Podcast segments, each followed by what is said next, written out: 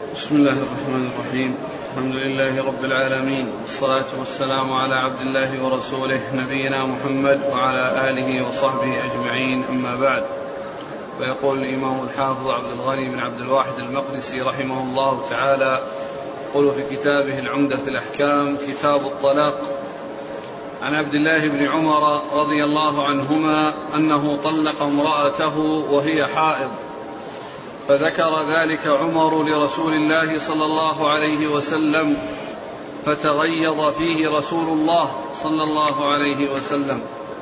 ثم قال ليراجعها ثم يمسكها حتى تطهر ثم تحيض فتطهر فإن بدا له أن يطلقها فليطلقها قبل أن يمسها. فتلك العدة كما أمر الله عز وجل وفي لفظ حتى تحيض حيضة مستقبلة سوى حيضتها التي طلقها فيها. وفي لفظ فحسبت من طلاقها وراجعها عبد الله كما أمر رسول الله صلى الله عليه وسلم. بسم الله الرحمن الرحيم. الحمد لله رب العالمين وصلى الله وسلم وبارك على عبده ورسوله نبينا محمد وعلى آله وأصحابه أجمعين. أما بعد فيقول الإمام الحافظ عبد الغني بن عبد الواحد المقدسي رحمه الله في كتاب العمدة باب الطلاق. الطلاق اسم مصدر بمعنى التطليق. الطلاق والتطليق والسلام والتسليم والكلام والتكليم والبيان والتبيين. يعني هذه مصادر وأسمى مصادر. والطلاق هو حل عقدة النكاح. يعني عقدة النكاح يعني كان منعقدا بعقده وحصول العقد فيه فحل هذه العقدة يقال له طلاق. لأن الطلاق النكاح هو عقد الزوجية الصحيح عقد. وهذا حل هذا العقد. الطلاق حل هذا العقد. بمعنى أنه أن العقد كان ساريا وكان يعني مستمرا فجاء الطلاق وأنهاه وحل هذه العقدة. التي هي عقدة النكاح. وهذا يعني إحدى أو أحد الأمور الثلاث الأمور الثلاثة التي يكون بها إنهاء النكاح. لأن النكاح ينتهي بالموت وينتهي بالفسخ وينتهي بالطلاق. وينتهي بالطلاق. والطلاق كما قلنا هو حل عقدة النكاح. ثم أورد حديث عبد الله بن عمر رضي الله حديث آه، عبد الله بن عمر رضي الله تعالى عنهما. أنه طلق زوجته وهي حائض فأخبر عمر رضي الله عنه رسول الله صلى الله عليه وسلم فتغيظ رسول الله عليه الصلاة والسلام يعني أنه غضب وتأثر يعني بسبب ذلك لأن الطلاق إنما يكون في حال الطهر وفي حال طهر لم يجامعها فيه فلا يكون في الطلاق في, الطهر في الحيض ولا يكون في طهر جامعها فيه. ثم إن النبي عليه الصلاة والسلام قال لعمر مره فليراجعها. مره فليراجعها وليمسكها حتى تطهر. من ذلك الحيض الذي طلقها فيه. ثم تحيض حيضة أخرى غير هذه الحيضة التي طلقه فيها طلقها فيها. فإذا طهرت من تلك الحيضة فإنه بعد ذلك إن شاء أن يطلقها يطلقها يعني قبل أن يمسها وإن شاء أبقاها واستمرت على ما هي عليه لأن الطلاق الذي حصل في الحيض حصلت له مراجعة فبقيت في عصمته فبقيت في عصمته بمراجعتها. ثم والرسول عليه الصلاة والسلام أرشده إذا كان راغبا في الطلاق وعازما عليه فإنه يطلقها في الطهر الذي بعد الحيضة التي آه، تلي الحيضة التي طلقها فيها دون أن يمسها لأنه إذا حصل المسيس قد يكون في حمل بسبب المسيس لكن يطلقها قبل أن يجامعها وقبل أن يمسها فتستقبل بذلك العدة. تستقبل بذلك العدة يعني أنها تحسب ثلاث حيض أمامها أمام هذا الطهر الذي طلقها فيه هذا الطهر الذي طلقها فيه تحسب ثلاث حيض بعدها. فتلك العدة أنها تستقبل تلك العدة التي أمر الله عز وجل والتي هي ثلاثة قروء. تستقبلها بكون الإنسان طلقها في طهر لم يجامعها فيه. وتلك الطلقة الأولى حسبت عليها كما جاء في الحديث قال مره فليراجعها. دل على دل هذا على أنه مع أنه طلاق يعني غير جائز إلا أن الطلقة التي حصلت فيه فإنها معتبرة ومحسوبة من طلقاته الثلاث. ف ف آه، أمره النبي عليه الصلاة والسلام بمراجعتها ثم يطلقها الطلاق الشرعي الطلاق السني الذي هو في طهر لم يجامع فيه وتستقبل ثلاث حيض. وتستقبل ثلاث حيض أمامها. وتكون تلك الطلقة التي مضت هي محسوبة ومعدودة عليه. لأن الرسول عليه الصلاة والسلام قال مره فليراجعها. وكذلك في الآخر قال يعني الراوي فحسبت آه، آه، تلك الطلقة يعني من الطلقات التي هي حق له وهي الثلاث التطليقات الأولى ثم الثانية ثم الثالثة التي لا تحل له إلا بعد أن ينكحها زوج غيره. نعم.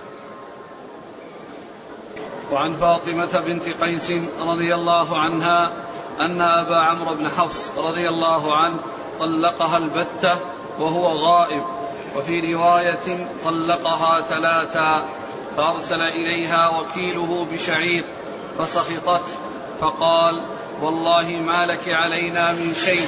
فجاءت رسول الله صلى الله عليه وسلم فذكرت ذلك له فقال ليس لك عليه نفقة وفي لفظ ولا سكنى. فأمرها أن تعتد في بيت أم شريك.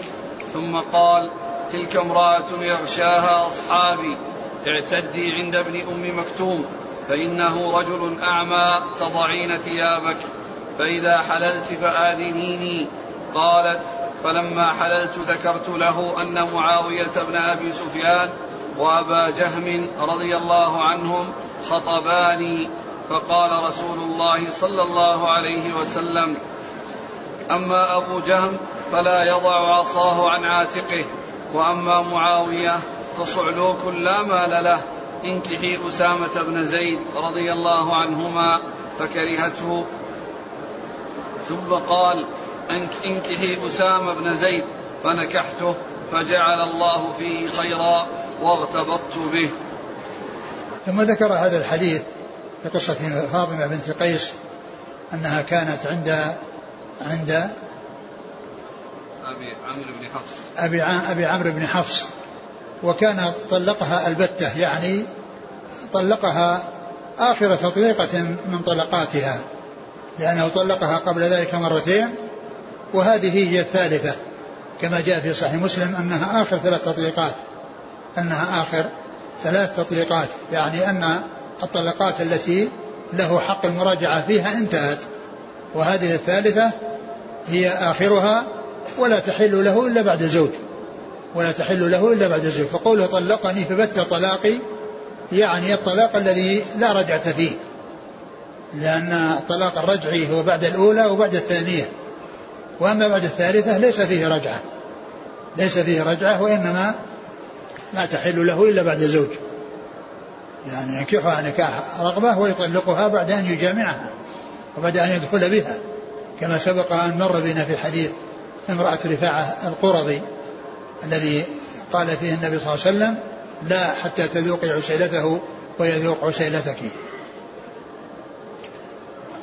طلقها آخر تطبيقات تطبيقات الثلاث كما جاء بيان ذلك يعني بيان البتة يعني جاء بيانه في صحيح مسلم في قوله آخر تطبيقة لها آخر تطبيقة لها يعني وهي الثالثة. ثم إنه أرسل وكيله بطعام بشعير فسخطته يعني ما أعجبها كونه يرسل لها شعير لأن الشعير هو يعني ليس من من الرديء من الأطعمة. يعني الجيد هو الحنطة والبر. يعني وهو يعني أعطاها شعيرا. فقال فسقطته. يعني ما أعجبها وتكلمت فيه ذمته. يعني ذمت يعني هذا يعني هذه النفقة. فقال والله إنه لا سكنى ولا إنه لا نفقة. ليس لك نفقة وإنما هذا من قبيل الإحسان. ومن قبيل التبرع وليس من قبيل أداء الواجب لأنه لا يجب عليه لها نفقة. فذهبت يعني الرسول صلى الله عليه وسلم وقال لا سكن لك ولا نفقة. لأنها لأنها ليست زوجة خرجت يعني من عصمته و آه، خرجت من عصمته فليست من أزواجه ليست رجعية. الرجعية زوجة. الرجعية هي زوجة يتوارثان ما دامت في العدة وكذلك يراجعها وهي في العدة. أما هذا ليس في رجعة وإنما هو فراق نهائي ولا تحل له إلا بعد زوج فبين عليه الصلاة والسلام أنه لا نفقة لها ولا كسوة يعني لا نفقة ولا سكنة. يعني أيضا يعني حتى السكنى ليس لها سكنى ثم إن إنه أمرها بأن تعتد عند أم شريك. يعني معناه أنه ليس لها محل ولكنه أرشد أرشدها بأن تعتد عند أم شريك امرأة من من الصحابيات رضي الله تعالى عنهن.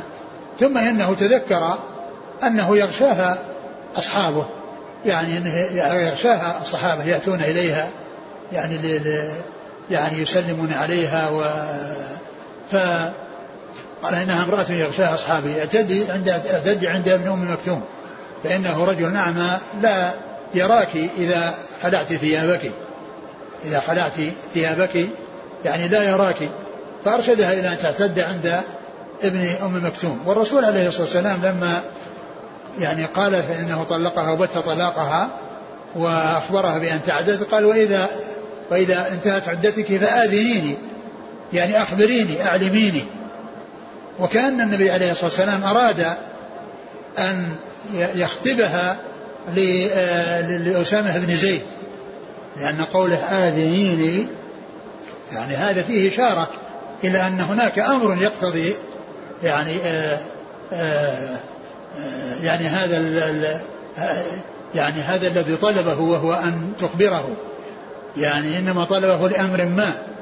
وقد تبين هذا الأمر الذي طلبه من أجله عندما جاءت إليه وأخبرته بالذي حصل لها.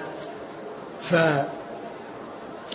آه، بعد ذلك آه، جاءت وأخبرته كما أرشد أمرها بذلك رسول الله عليه الصلاة والسلام. وقالت إن فلانا وفلان خطباها أبو جهم ومعاوية بن أبي سفيان رضي الله عنهم أنهم خطباها. فالنبي عليه الصلاة والسلام بين ما يعلمه عن كل واحد منهما فقال أما أبو جهم فلا يضع العصا عن عاتقه. وأما معاوية فصعلوك لا مال له. ثم قال انكحي أسامة بن زيد. انكحي أسامة بن زيد. فقال عليه الصلاة والسلام أو قال قال قالت فاطمة إن فلانا وفلان خطبان. فقال عليه الصلاة والسلام أما أبو جهم فلا يضع العصا عن عاتقه. وفسر هذا المعنى أو هذا الذي أشار إليه النبي صلى الله عليه وسلم بكونه لا يضع العصا عن عاتقه فسر بأنه كثير الأسفار وفسر بأنه يضرب النساء. ولكن هذا الأمر الثاني الذي هو كونه يضرب النساء جاء ما يدل عليه في صحيح مسلم أن أنه كان وأما فلان فضراب للنساء لأنه يضرب النساء. فإذا قوله لا يضع العصا العصا عن عاتقه كناية عن الضرب. كناية عن الضرب فأرشدها إلى ما يعلمه فيه. وأما معاوية فقال صعلوك لا مال له صعلوك لا مال له.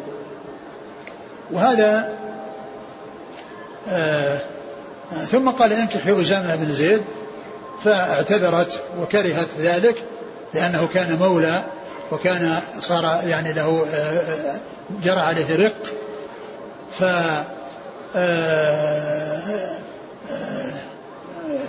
يعني لم توافق على ذلك وكرر عليه الرسول صلى الله عليه وسلم ذلك فتزوجته وفرحت بهذا الزواج واغتبطت بهذا الزواج كما بينت ذلك في نفس الحديث. والحديث يدل على أن أن المطلقة المبتوتة لا سكنى لها ولا نفقة. لهذا الحديث الذي هو صريح في ذلك وقد بين الرسول صلى الله عليه وسلم لها أنه لا نفقة لها ولا ولا ولا, ولا سكنى لأنها جاءت تريد النفقة وسخطت النوع الذي أعطيت إياه و آه، أخبرها النبي صلى الله عليه وسلم بأنه لا نفقة لها وأيضا ولا ولا سكنى ثم إنه كونها لا سكنى لها يعني معناه أنها تخرج من بيت يعني زوجها الذي طلقها البتة فقال اعتدي عند عند فلانة أم شريك. ثم تذكر أنه يغشاها أصحابه فقال اعتدي عند ابن أم مكتوم.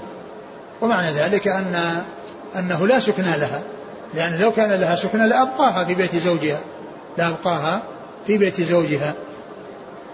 فإذا النفقة يعني دل على أنها لا ليس لها بقوله لا نفقة لا سكن لك ولا نفقة وكذلك قوله لا نفقة لا سكنى وأكد ذلك بكونه أمرها بأن تعتد عند فلان عند فلانة التي هم شريك ثم عند ابن أم مكتوم. فدل هذا الحديث على أن المطلقة المبتوتة لا نفقة لها ولا سكنى لأنها خرجت من عصمته ولا علاقة لها به. ثم اللهم إلا لو كانت آه حاملا فإنها فإن لها نفقة الحمل يعني لو كانت هذه التي بت طلاقها أنها كانت حاملا فإنه يجب عليها يجب لها نفقة الحمل وأما هي فإنه لا نفقة لا نفقة لها. ثم يعني آه في الحديث يعني كون النبي صلى الله عليه وسلم آه قال لها ما قال في حق معاوية وحق أبي الجهم هذا دليل على أن المستشار أنه يشير بما يرى فيه المصلحة الذي استشاره. لأن النبي صلى الله عليه وسلم بين ما يعلمه عن الاثنين اللذين خطباها وقال أما فلان فلا يضع العصا عن عاتقه وأما معاوية فصعلوك أما أبو جهم فلا يضع العصا عن عاتقه وأما معاوية فصعلوك لا مال له وأخبر يعني الشيء الذي آه، فيهما أو عن الشيء الذي فيهما. وهذا يدل على وهو وهو من وهو من ذكر الإنسان بما يكره. لا شك أن معاوية رضي الله عنه يكره يعني يقال إنه صعلوك لا مال له وكذلك أبو جهم يكره أن يوصف بهذا. وإن كان الأمر في ذلك واقعا وحاصلا لأن إلا أن هذا لا يعتبر من الغيبة المحرمة لأن ما كان من قبيل في في قبيل الاستشارة والنصح للمستشار أو كان يعني في يعني في أمر يقتضيه فإن هذا مستثنى من كونه من الغيبة. لأن الغيبة كما بينها رسول الله عليه الصلاة والسلام ذكرك أخاك بما يكره. ذكرك أخاك بما قال أرأيت إن كان في أخي ما أقول؟ قال إن كان فيما تقول فقد اغتبته. وإن لم يكن فيه ما تقول فقد بهته. ودل هذا على أن مثل ذلك يعني أن المستشير على على من استشاره على المشير أن يبين حال المستشار الذي استشير فيه. كلو استشار في في مصاهرة أو استشار في في تجارة أو استشار يعني في مشاركة يعني في في في شركة أو ما إلى ذلك فإن من استشير عليه أن يبين حال الذي الرجل الذي استشير فيه.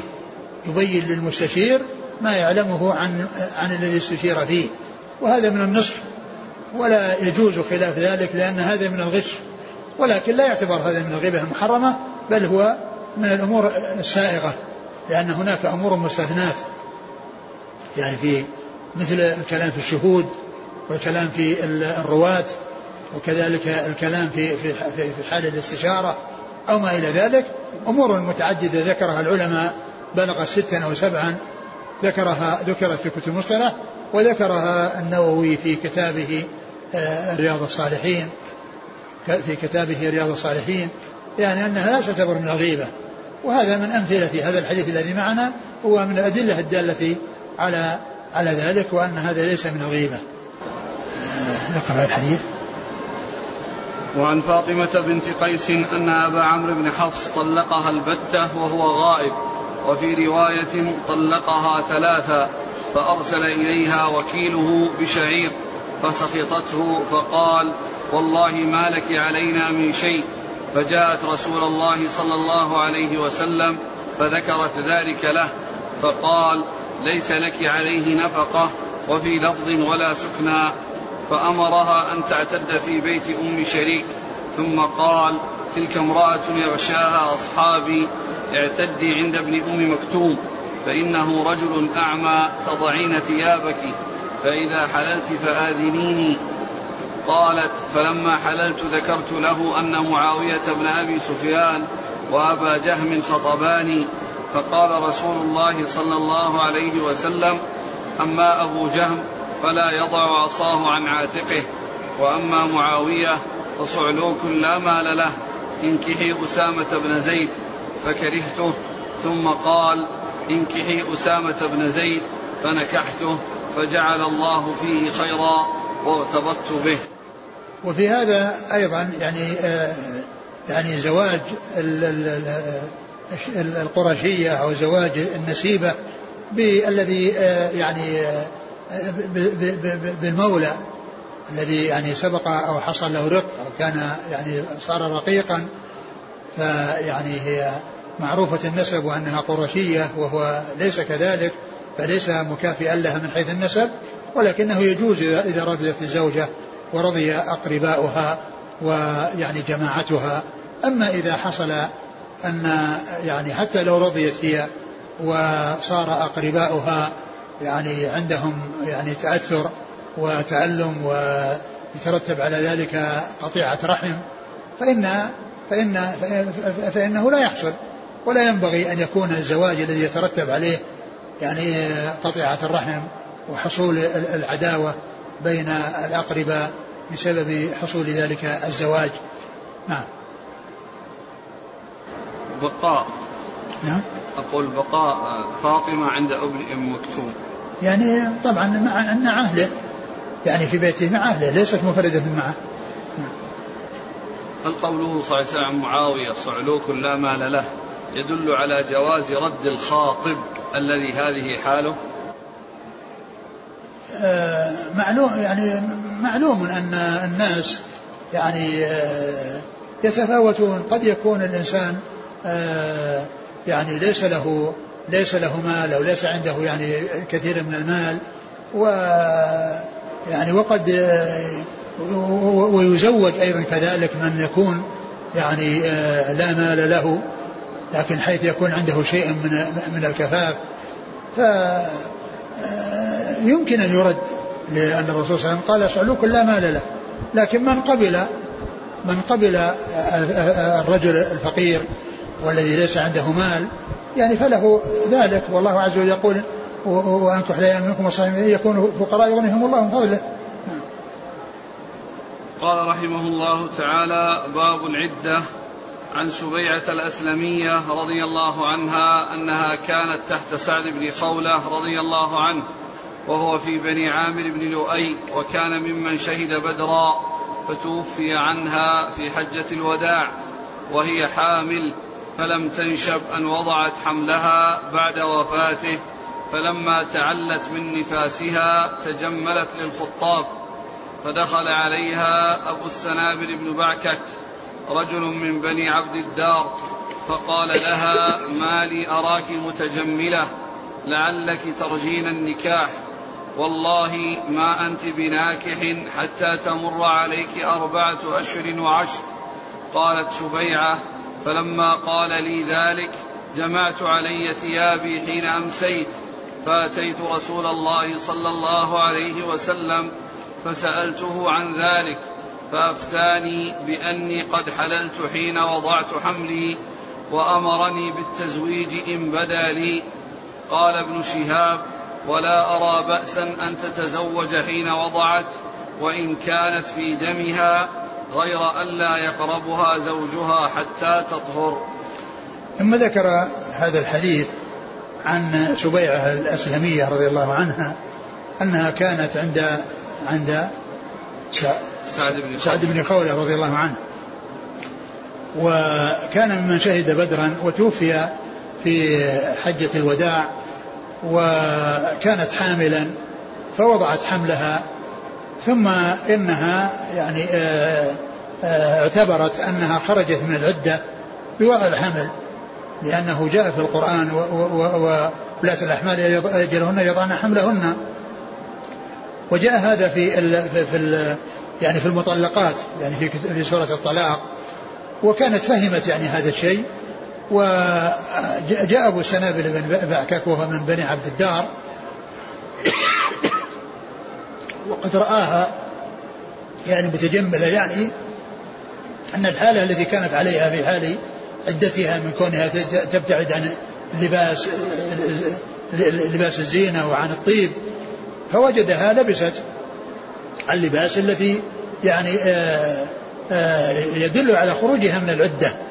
يدل ولهذا فهم يعني أنها بولادتها أنها خرجت من العدة وأنها اعتبرت نفسها خرجت من العدة ولبست اللباس الذي فيه الجمال وليس اللباس الذي تكون عليه الحادة والتي تبقى عليه الحادة وهي أن لا تمس طيب ولا تلبس الأشياء الجميلة والثياب الجميلة ولا تزين ولا تجمل كما هو معروف في بالنسبة للحادة أنها لا تفعل مثل هذه الأمور وإنما تبقي على على يعني على عدم الزينة من أجل مراعاة حق الزوج ومراعاة حقه وأنها تأثرت من أجله وحزنت من أجله فتبتعد عن الزينة وعن كل شيء فيه زينة. فقال والله ما أنت هناك حتى يمر عليك أربعة أشهر وعشر للآية الكريمة.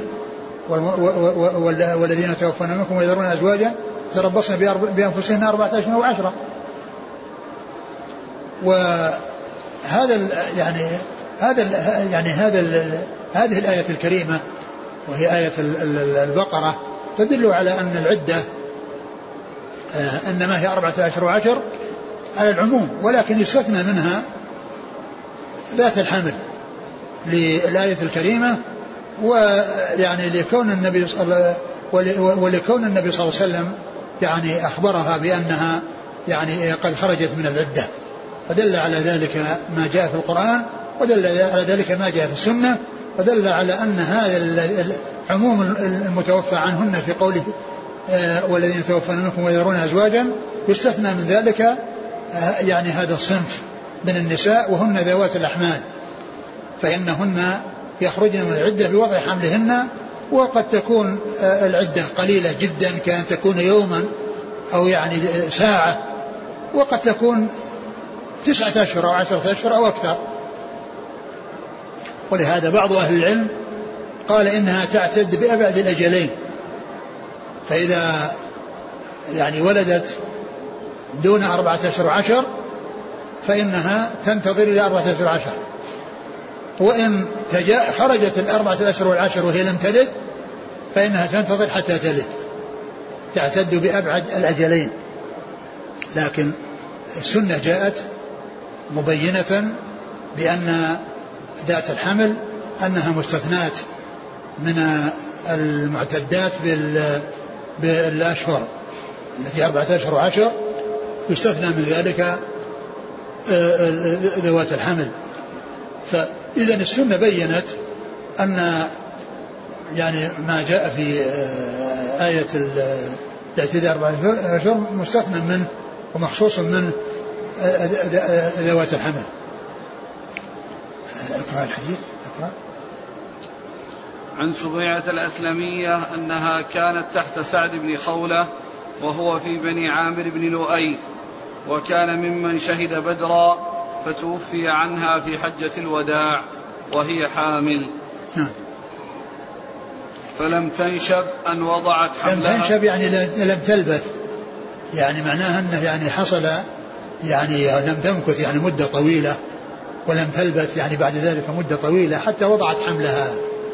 فاعتبرت نفسها خرجت من العدة لقول الله عز وجل وولاة الأحمال أجلهن يضعن حملهن ولكنها يعني لما حلف يعني كأنها شكت يعني في هذا الذي الذي يعني كانت بنت عليه وأن وأنه حلف على ذلك فذهبت الرسول صلى الله عليه وسلم فأخبرها أنها على صواب وأن عدتها تنتهي بوضع الحمل و وأن ما جاء في القرآن في المطلقات جاء في السنة ما يدل على أنه للمطلقات وللمتوفى عنهن فالمطلقة تنتهي عدتها بوضع الحمل إذا كانت حاملا وذا وذا والمتوفى عنها تعتد بوضع الحمل إذا كانت حاملا.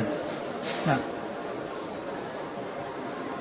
فلما تعلت من نفاسها تجملت للخطاب فدخل عليها أبو السنابل بن بعكك رجل من بني عبد الدار فقال لها ما لي أراك متجملة لعلك ترجين النكاح.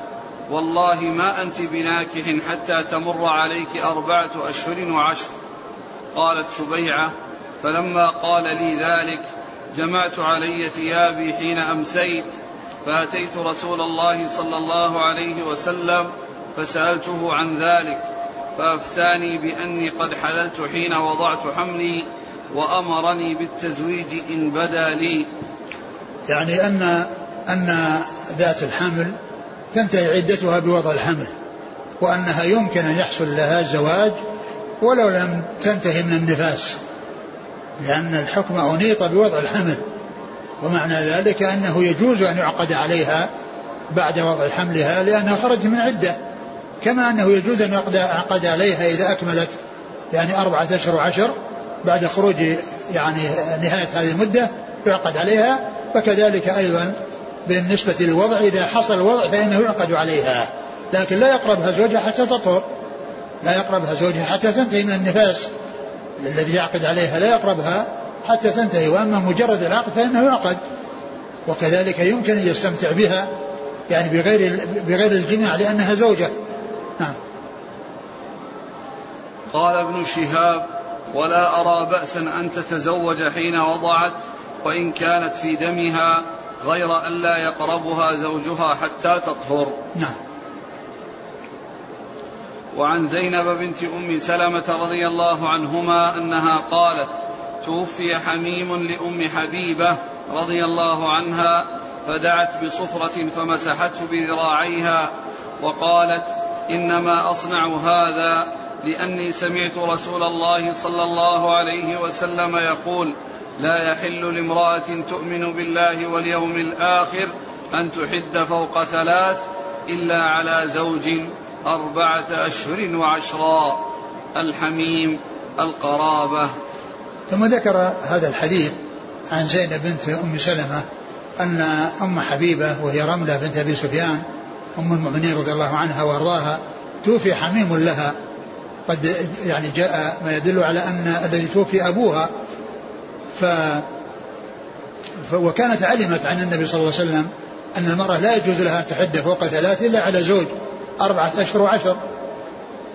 لا على زوج أربعة أشهر وعشر. فهي طلب أخذت طيبا وهو الذي طيب في في زعفران فمسحت بذراعيها وقالت إنها ما كانت تريد الطيب ولا قصدها التطيب وإنما قصدها يعني امتثال ما جاء عن الرسول عليه الصلاة والسلام. لأن الرسول عليه الصلاة والسلام قال لا يحل لامرأة تؤمن بالله أن تحد على على يعني أن تحد يعني أكثر من ثلاث إلا على زوج. معناه أن ما كان دون الثلاث كون المرأة تتأثر ويعني لا تتجمل يعني في هذه المدة للتأثر الذي قد حصل لها وعدم يعني التألم والحزن الذي حصل لها إذا حصل أنها تركت الزينة. في هذه المدة فلا, فلا حرج عليها في ذلك لأن هذه المصيبة تقتضي التأثر والمرأة قد تنشغل ولا تفكر يعني بالتزين والتجمل يعني في هذه المدة التي هي آه التي هي مدة ثلاثة أيام. لكن لا يجو ليس لها أن تتجاوز هذه المدة ليس لها أن تتجاوز هذه المدة إلا في حق الزوج هو الذي يحد عليه أربعة أشهر وعشر يعني بالنسبة لغير لغير الحوامل كما عرفنا في الحديث السابق. غير الحوامل كما عرفنا في الحديث السابق. فإذا فعلها رضي الله عنها وأرضاها لتبين أنها تستسلم وتنقاد لما جاء عن الرسول صلى الله عليه وسلم في أن المرأة لا تحد أكثر من ثلاث إلا على زوج فهي استعملت الطيب والحادة لا تستعمل الطيب لكنها أرادت أن تبين أنه لا إحداد بعد ثلاث على على غير الزوج. وكذلك لو يعني كان أقل من ثلاث يعني لا بأس بذلك لو حصل منها لكن الثلاث هي الحد الأعلى. الثلاث هي الحد الأعلى بالنسبة إذا توفي غير الزوج فإنها لا تتجاوز هذه المدة بل ترجع إلى ما كانت عليه من استعمال الطيب والزينة وغير ذلك. وإنما الزيادة على الثلاث إنما هي في حق الزوج خاصة. نعم.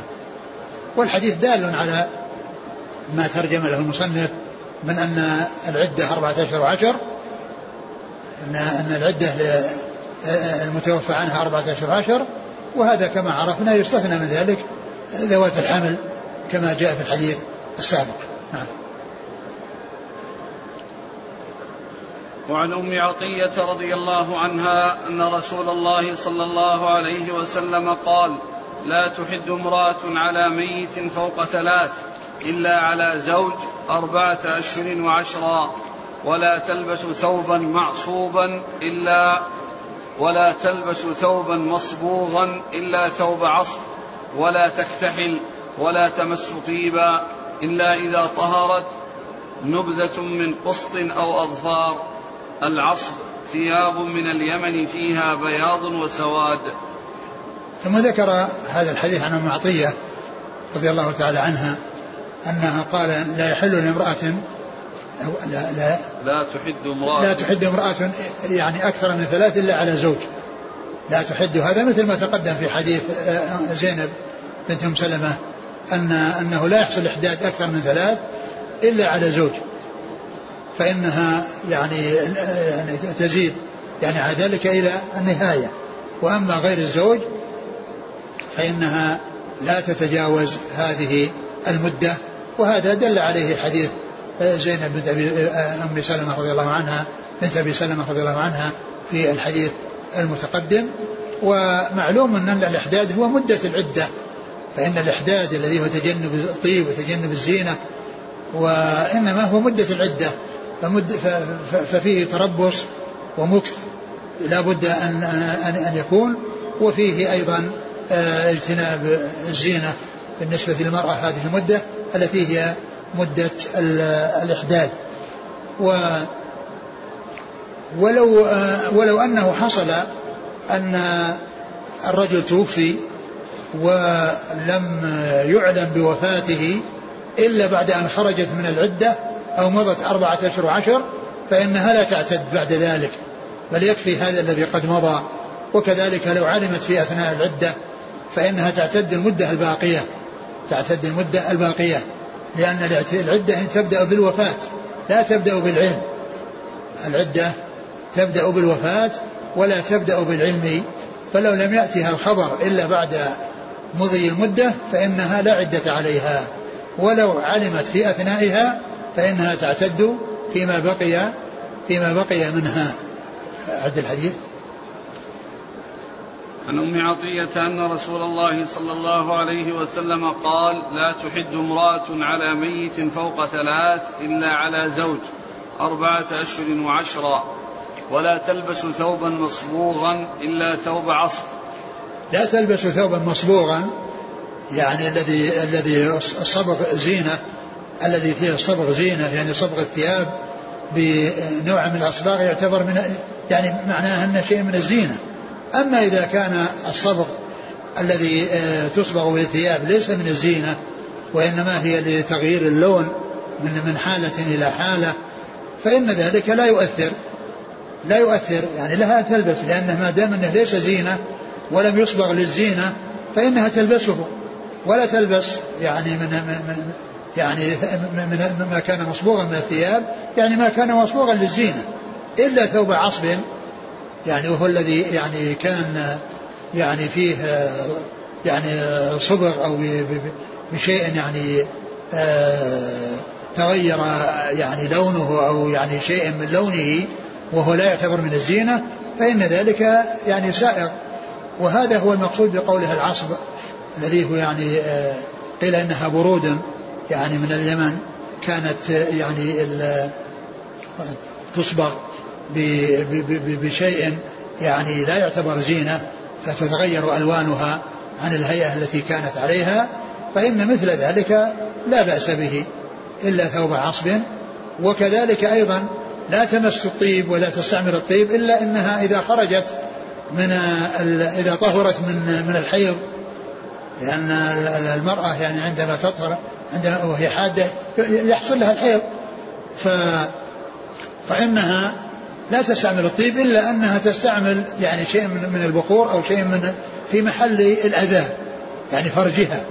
يعني بحيث يعني تذهب تلك الرائحة الكريهة التي هي بعد الحيض.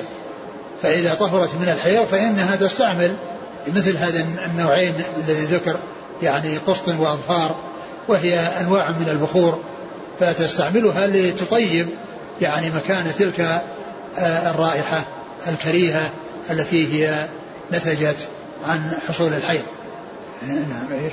نعم. لا تكتحل. وكذلك لا تكتحل. لا تكتحل لأن الكحل من الزينة. نعم. ولا تكتحل ولا تمس طيبا إلا إذا طهرت نبذة من قسط أو أظفار. يعني لا تمس طيبا لا تستعمل الطيب إلا أنها إذا طهرت من الحيض فإنها تمس يعني مكان يعني الأذى يعني شيئا من الطيب الذي هو قسط وأظفار وهو نوعان من البخور. نعم. وعن أم سلمة رضي الله عنها أنها قالت جاءت امرأة إلى رسول الله صلى الله عليه وسلم فقالت يا رسول الله إن ابنتي توفي عنها زوجها وقد اشتكت عينها أفنكحلها؟ فقال رسول الله صلى الله عليه وسلم أفنكحلها أفنكحلها نعم. فقال رسول الله صلى الله عليه وسلم لا مرتين أو ثلاثة. كل ذلك يقول لا. ثم قال إنما هي أربعة أشهر وعشر. وقد كانت إحداكن في الجاهلية ترمي بالبعرة على رأس الحول. فقالت زينب كانت المرأة إذا توفي عنها زوجها دخلت حفشا ولبست شر ثيابها ولم تمس طيبا ولا شيئا حتى تمر بها سنة ثم تؤتى بدابة حمار أو شاة أو طير فتفتض به فقلما تفتض بشيء إلا مات ثم تخرج فتعطى بعره فترمي بها ثم تراجع بعد ما شاءت من طيب أو غيره. الحفش البيت الصغير. وتفتض تدلك به جسدها. ثم ذكر هذا الحديث عن أم سلمة رضي الله عنها وهي أن امرأة جاءت إلى النبي صلى الله عليه وسلم وقالت إن ابنتها اشتكت عينها وهي حادة. فالرسول صلى الله عليه وسلم قال لا يعني لا تكتحل لأن الكحل زينة ولا تستعمل الكحل يعني في عينها وهو زينة لكن لا بأس أن تستعمل يعني ما ليس بزينة. يعني دواء يعني مثل مثل القطرة ومثل المرهم ومثل يعني شيء لا جمال فيه ولا زينة فيه فإنها تستعمل ذلك. ولكن الكحل لكونه زينة منعها منه رسول الله منعها منه رسول الله صلى الله عليه وسلم. ثم إنه ذكر ما جاء في هذه الشريعة من السهولة ومن اليسر وأن مدة العدة التي تبقى فيها حادة أربعة أشهر وعشر. وثم ذكرهم بما كان في الجاهلية من أن المرأة كانت في الجاهلية آه، تمكث مدة طويلة سنة كاملة وهي حادة وتكون في حفش وهو مكان بيت صغير ضيق فتكون فيه وتلبس شر ثيابها ولا تمس طيبا ولا شيئا وتبقى على هذه الهيئة فتكون ريحة, ريحة في غاية النتن منتنة. ثم إذا أكملت سنة وهي على هذه الحال إذا أتيت بحيوان ودلكته أو يعني على على جسدها وعلى يعني يعني يعني في, في هذه الأوساخ المتراكمة على جسدها فإنه لا يكاد يسلم بل يموت يعني من هذه الرائحة الخبيثة الكريهة ثم قال إنها تؤتى ببعرة فترمي بها. ومعنى قوله تؤتى البعرة يعني أنها آه أن هذه المدة التي جلستها في أسوأ حال وفي هذه الهيئة الكريهة والهيئة الصعبة قالت إنها لا تساوي هذه البعرة التي ترمي بها ترمي بها يعني أنها لا تساوي شيئا كلها مثل هذه البعرة.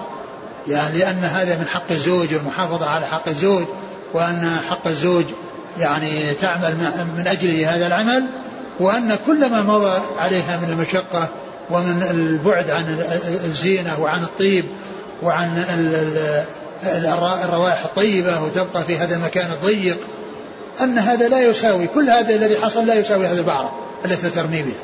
يعني إشارة إلى عظيم حق الزوج وأن كل ما حصل لها من الجهد ومن التعب ومن الصبر ومن التحمل كل لا يساوي هذه البعرة التي ترمي بها بأصبعها. أقرأ الحديث من أوله.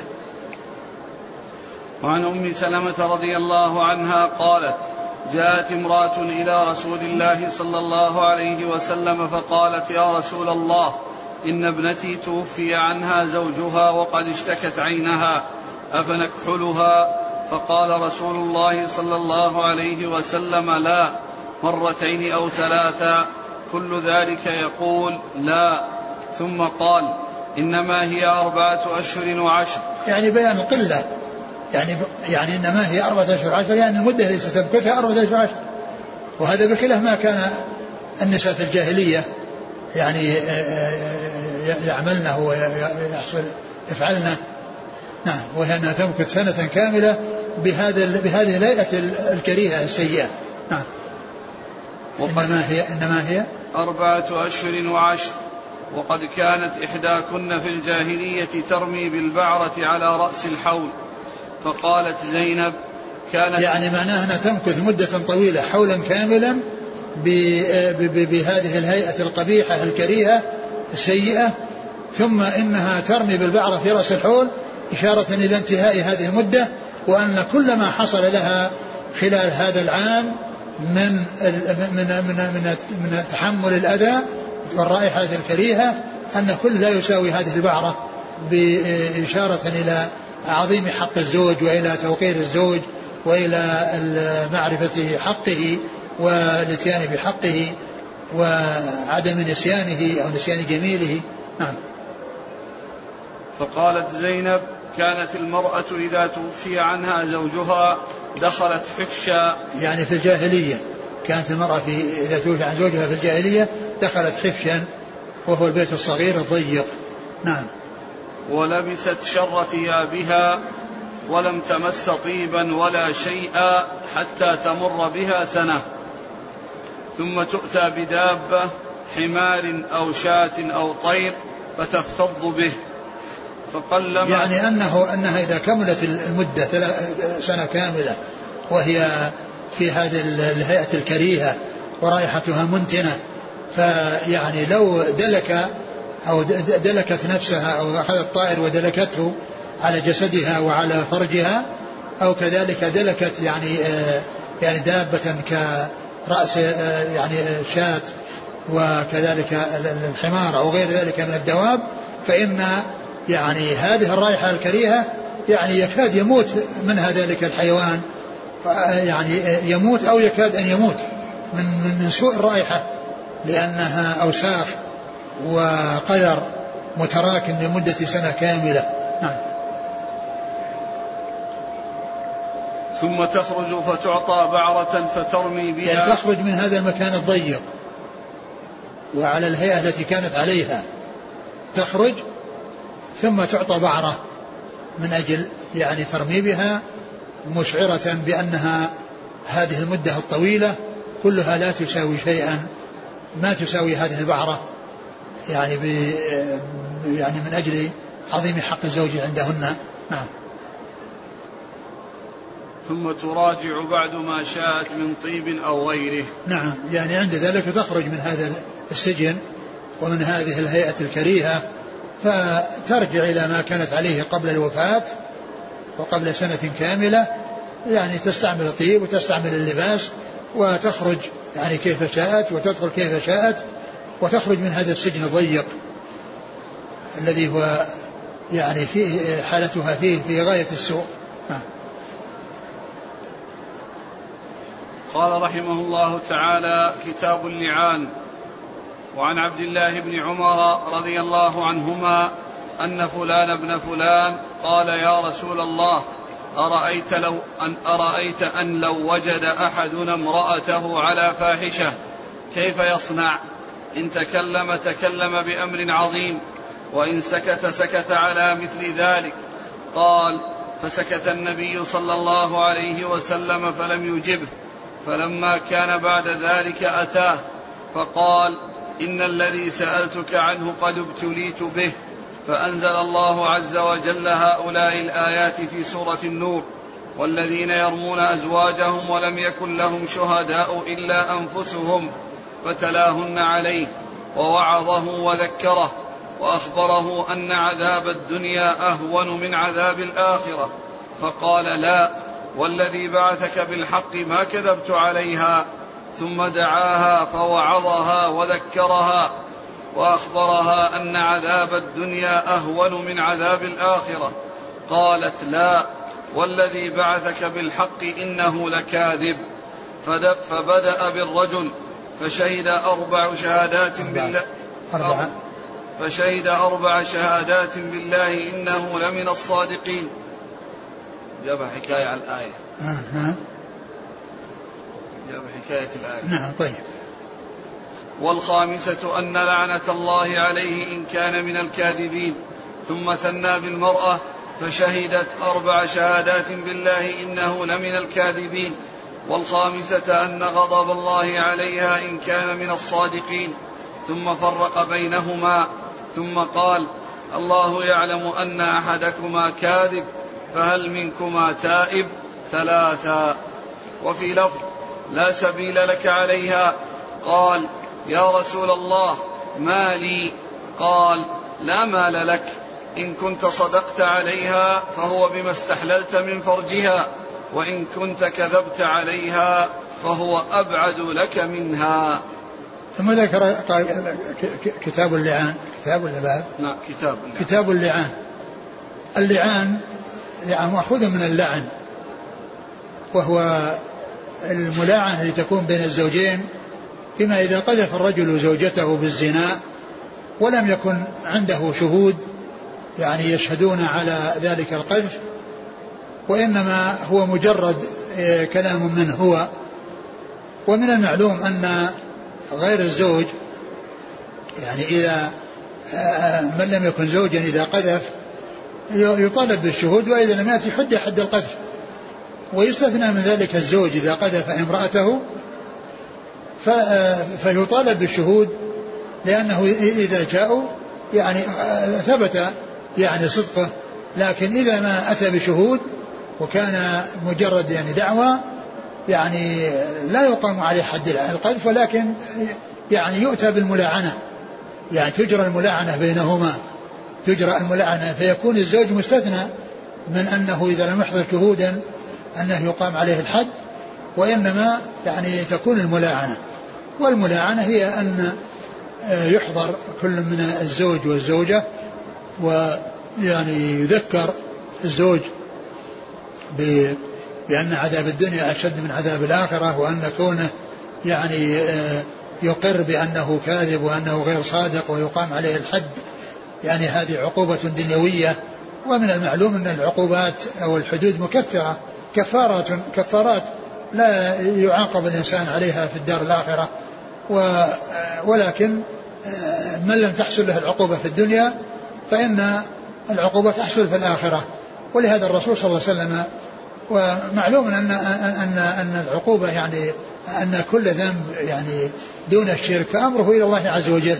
إن شاء يعني عاقب صاحبه وإن شاء عفى عنه. والذنب الذي لا يغفر وصاحبه لا بد له من العذاب ومن دخول النار والاستمرار فيها هو الكفر. وأما كل شيء دون الكفر فهو تحت مشيئة الله سبحانه وتعالى. يعني كتاب قال اللعان من أجل أن فيه ذكر اللعن من قبل الزوج. لأنه يشهد أربع شهادات أنه لمن الصادقين والخامسة أن لعنة الله عليه كان الكاذبين. فمن أجل أنه ذكر اللعن يعني في حق الزوج قيل له اللعان. والزوجة يعني في حقها ليس ذكر اللعن وإنما ذكر الغضب. والغضب أشد من من اللعن. ولكنه قيل أو أن الحكم أنيط بذكر اللعن وقيل الملاعنة وقيل اللعان. لأن لأنه يترتب على ذلك الابتعاد ابتعاد بعضهما عن بعض. لأن نتيجة اللعان هو أن يفرق بينهما فيكون فيه تباعد. واللعن فيه طرد. يعني في الأصل هو طرد عن رحمة الله وهنا فيه أيضا ابتعاد بعضهما من بعض وحصول الحرمة المؤبدة. وحصول الحرمة المؤبدة. ف فمن أجل ذلك يعني اختير أو صار التعبير بالباب أو بالذي يجرى بينهما بأن يقال له ملاعنة ويقال له لعان. يقال له ملاعنة ولعان وهو خاص في هذه القضية التي هي كون الزوج اتهم زوجته بالزنا ولم يحضر بينة فإن الحكم في ذلك كما في القرآن هو الملاعنة. فيؤتى بالزوج يبدأ به لأنه هو الذي حصل منه الاتهام فيبدأ به. فإن نكل ولم يحصل منه ذلك فإنه يحد. فإنه يحد. وإن شهد هذه الشهادات الأربع وأتى بالخامسة وهي الدعاء على نفسه بأن لعنة الله عليه إن كان من الكاذبين فإنه يسلم من العقوبة الدنيوية وهي الحد.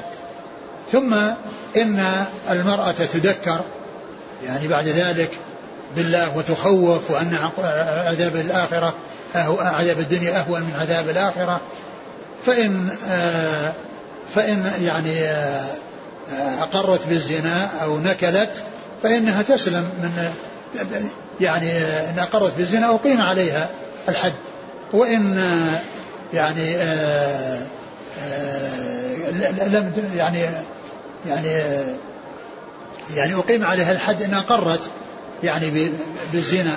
ولكنه كما هو معلوم يعني أنا قبل يعني قبل أن يحصل ملاعنة كل منهما يعني يذكر فإن اتفقوا على أنه آه، كل واحد منهما يعني واقف عند رأيه وعند قوله فعند ذلك يجرى اللعان.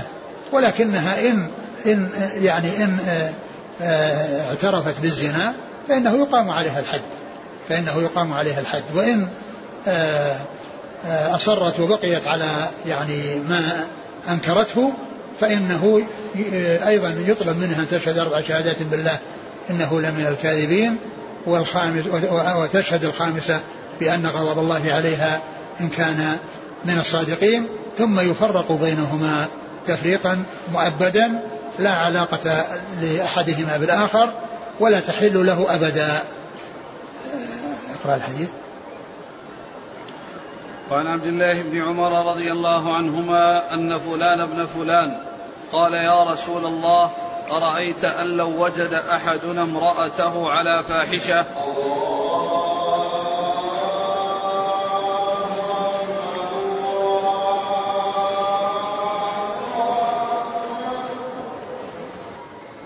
يعني في هذا الحديث أن رجلا جاء إلى النبي صلى الله عليه وسلم وسأله وقال يا رسول الله أرأيت إذا وجد أحدنا على امرأته رجلا يعني إن إن سكت سكت على أمر عظيم وإن تكلم يعني تكلم بأمر عظيم ف يعني الرسول صلى الله عليه وسلم يعني كره هذا السؤال ولم يجبه بشيء وهذا يدلنا على أن من الأسئلة ما هو ثقيل على السمع وأن لا سيما إذا كان مفترضا ولم يكن واقعا فإن ذلك أشد وأشد.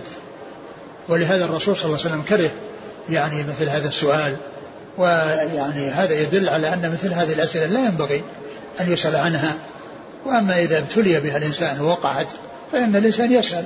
وأما شيء لم يقع وهو من, من هذا القبيل الذي هو مستكره يعني وثقيل على النفوس وصعب على النفوس فإن الإنسان لا يقدم على مثل هذا السؤال.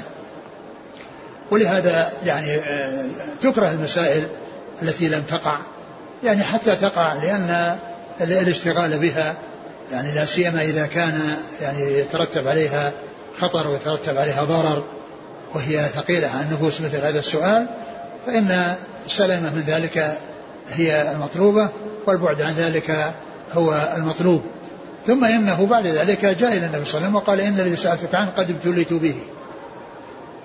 يعني هذا السؤال الذي كان سأل عنه ولم يجب بشيء قد وقع منه فعلا أو حصل له فعلا ف يعني آه آه وهذا مثل ما يقولون البلاء موكل بالمنطق لأن هذا الكلام الذي قد حصل وهذا السؤال الذي قد حصل وهو في عافية منه وسلامة يعني ابتلي به ابتلي به فحصل أن أنه آه يعني حصل أن يعني أخبر بهذا الخبر وليس عنده يعني بينة فما يبقى بعد ذلك إلا اللعان. أقرأ الحديث. قال بعد بعد قصة السؤال. فلما كان بعد ذلك أتاه فقال إن الذي سألتك عنه قد ابتليت به فأنزل الله عز وجل هؤلاء الآيات في سورة النور والذين يرمون أزواجهم. أنزل الله عز وجل هذه الآيات التي هي آيات اللعان وأن هذا هو الحل وهذا هو الحكم في من يتهم زوجته وليس عنده بينة فليس هناك إلا اللعان ويعني وهو مستثنى كما عرفنا من حد القذف على من اتهم ولم يأتي بشهود لأن الزوجة إذا لم يأتي بالشهود يحصل اللعان. فتلا عليه هذه الآيات وذكره بالله عز وجل ويعني قال إنه صادق وبدأ به لأنه هو المدعي وهو المتهم الذي حصلت منه التهمة ثم إنه ذكر الزوجة وخوفها وأن عذاب الآخرة عذاب الدنيا أهوى من عذاب الآخرة ثم إنها أصرت على يعني ما على الإنكار فالنبي صلى الله عليه وسلم أجرى الملاعنة بينهما فقال فأنزل الله عز وجل هؤلاء الآيات في سورة النور والذين يرمون أزواجهم ولم يكن لهم شهداء إلا أنفسهم فتلاهن عليه ووعظه وذكره وأخبره أن عذاب الدنيا أهون من عذاب الآخرة. فقال عذاب الدنيا الذي هو حد القذف الذي هو حد القذف نعم إذا إذا قال إنه يعني غير صادق أو أنه كاذب أو أنه يعني أو أنه يعني لم يأتي بشهود أو أنه لم يأتي بشهود ولم. هذا بالنسبة لغير الزوج. وأما الزوج فيعني إذا اعترف ب... إذا لم يعترف بأنه كاذب فإنه تجرى الملاعنة نعم. فقال لا والذي بعثك بالحق ما كذبت عليها. ثم دعاها فوعظها وذكرها وأخبرها أن عذاب الدنيا أهون من عذاب الآخرة. قالت لا والذي بعثك بالحق إنه لكاذب. فبدأ بالرجل فشهد أربع شهادات بالله إنه لمن يعني أنه قبل أن يجري الملاعنة ذكر الزوج وخوفه بالله فبقي على ما ادعى. ثم إنه ثنى بالزوجة وخوفها بالله وبقيت على وأنكرت وبقيت على ما هي عليه. عند ذلك بدأ بالزوج. بدأ بالزوج بإجراء الملاعنة بأن يحصل منه الشهادة أربع شهادات بالله يعني ولا بد أن يكون بلفظ اشهد وأن يعني والخامسه أن يعني أن غضب الله أن لعنه الله يعني كان من الكاذبين. ثم بعد ذلك يعني ينتقل إلى الزوجه نعم. فبدأ بالزوج. فشهد أربع شهادات بالله إنه لمن الكاذب لمن الصادقين. والخامسة أن لعنة الله عليه إن كان من الكاذبين. ثم ثنى بالمرأة فشهدت أربع شهادات بالله إنه لمن الكاذبين. والخامسة أن غضب الله عليها إن كان من الصادقين. ثم فرق بينهما. يعني فرق بينهما تفريقا مؤبدا. وهنا المرأة خصت بالغضب يعني دون الزوج لأن يعني لأن خطر الزنا يعني منها يعني عظيم وحصوله منها يعني يترتب عليه مفاسد وهي تلويث الفراش والحاق النسب يعني بمن ليس يعني ليس ليس لصاحبه ويعني وحصول يعني السمعة السيئة يعني يعني لقبيلتها ولجماعتها لكونها توصف بالزنا. فيعني صار التعبير بالغضب يعني من جانبها لأنها أشد وأعظم خطرا من الزوج. نعم. ثم قال الله يعلم أن أحدكما كاذب فهل منكما تائب؟ ثلاثا ثم أرشدهما إلى التوبة يعني بعد ذلك. يعني إذا كان أحدهما كاذبا. نعم. وفي لفظ لا سبيل لك عليها قال يا رسول الله ما لي؟ قال لا مال لك. إن كنت صدقت عليها فهو بما استحللت من فرجها وإن كنت كذبت عليها فهو أبعد لك منها. ثم إنه لما فرق بينهما وأنه لا سبيل له عليها يعني آه، طلب ماله الذي دفع إليها وهو المهر فالرسول عليه الصلاة والسلام قال إن كنت يعني آه، قال إن كنت إن كنت صدقت عليها إن كنت صدقت فيما قلت إن كنت صادقا فيما يعني قلت في حقها ف فهو بما استحللت من فرجها لأنك كنت تجامعها. وقد حصل الدخول وحصلت الخلوة وحصل الاستمتاع فإذا هذا الذي حصل في ما استمتعت من فرجها. وإن وإن وإن وإن كنت كاذبا عليها فهو أبعد.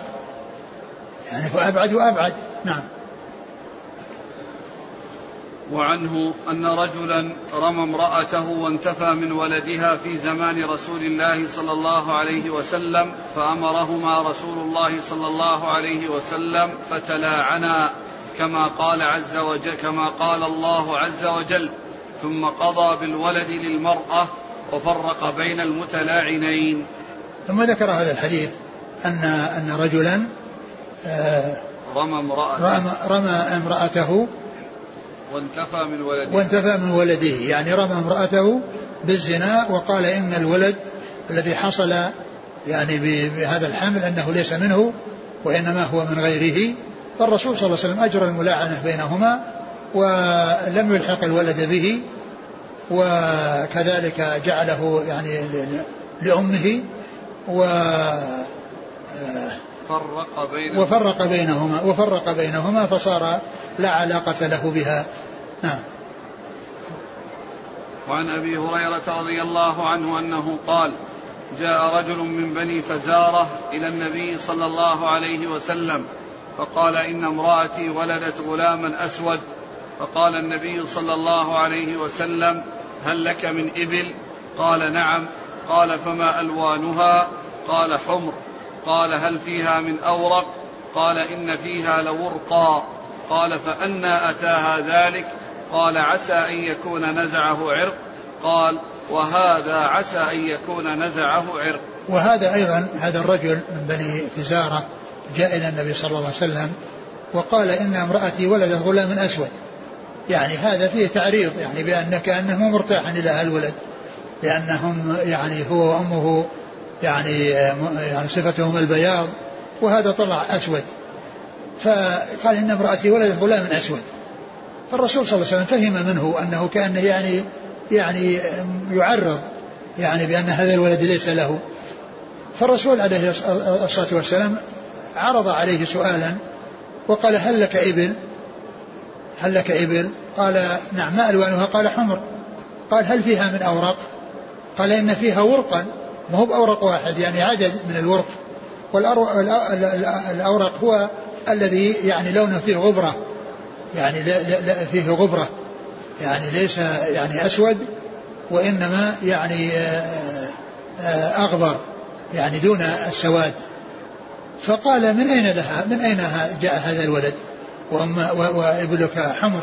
قال لعله نزع عرق يعني إن أصولها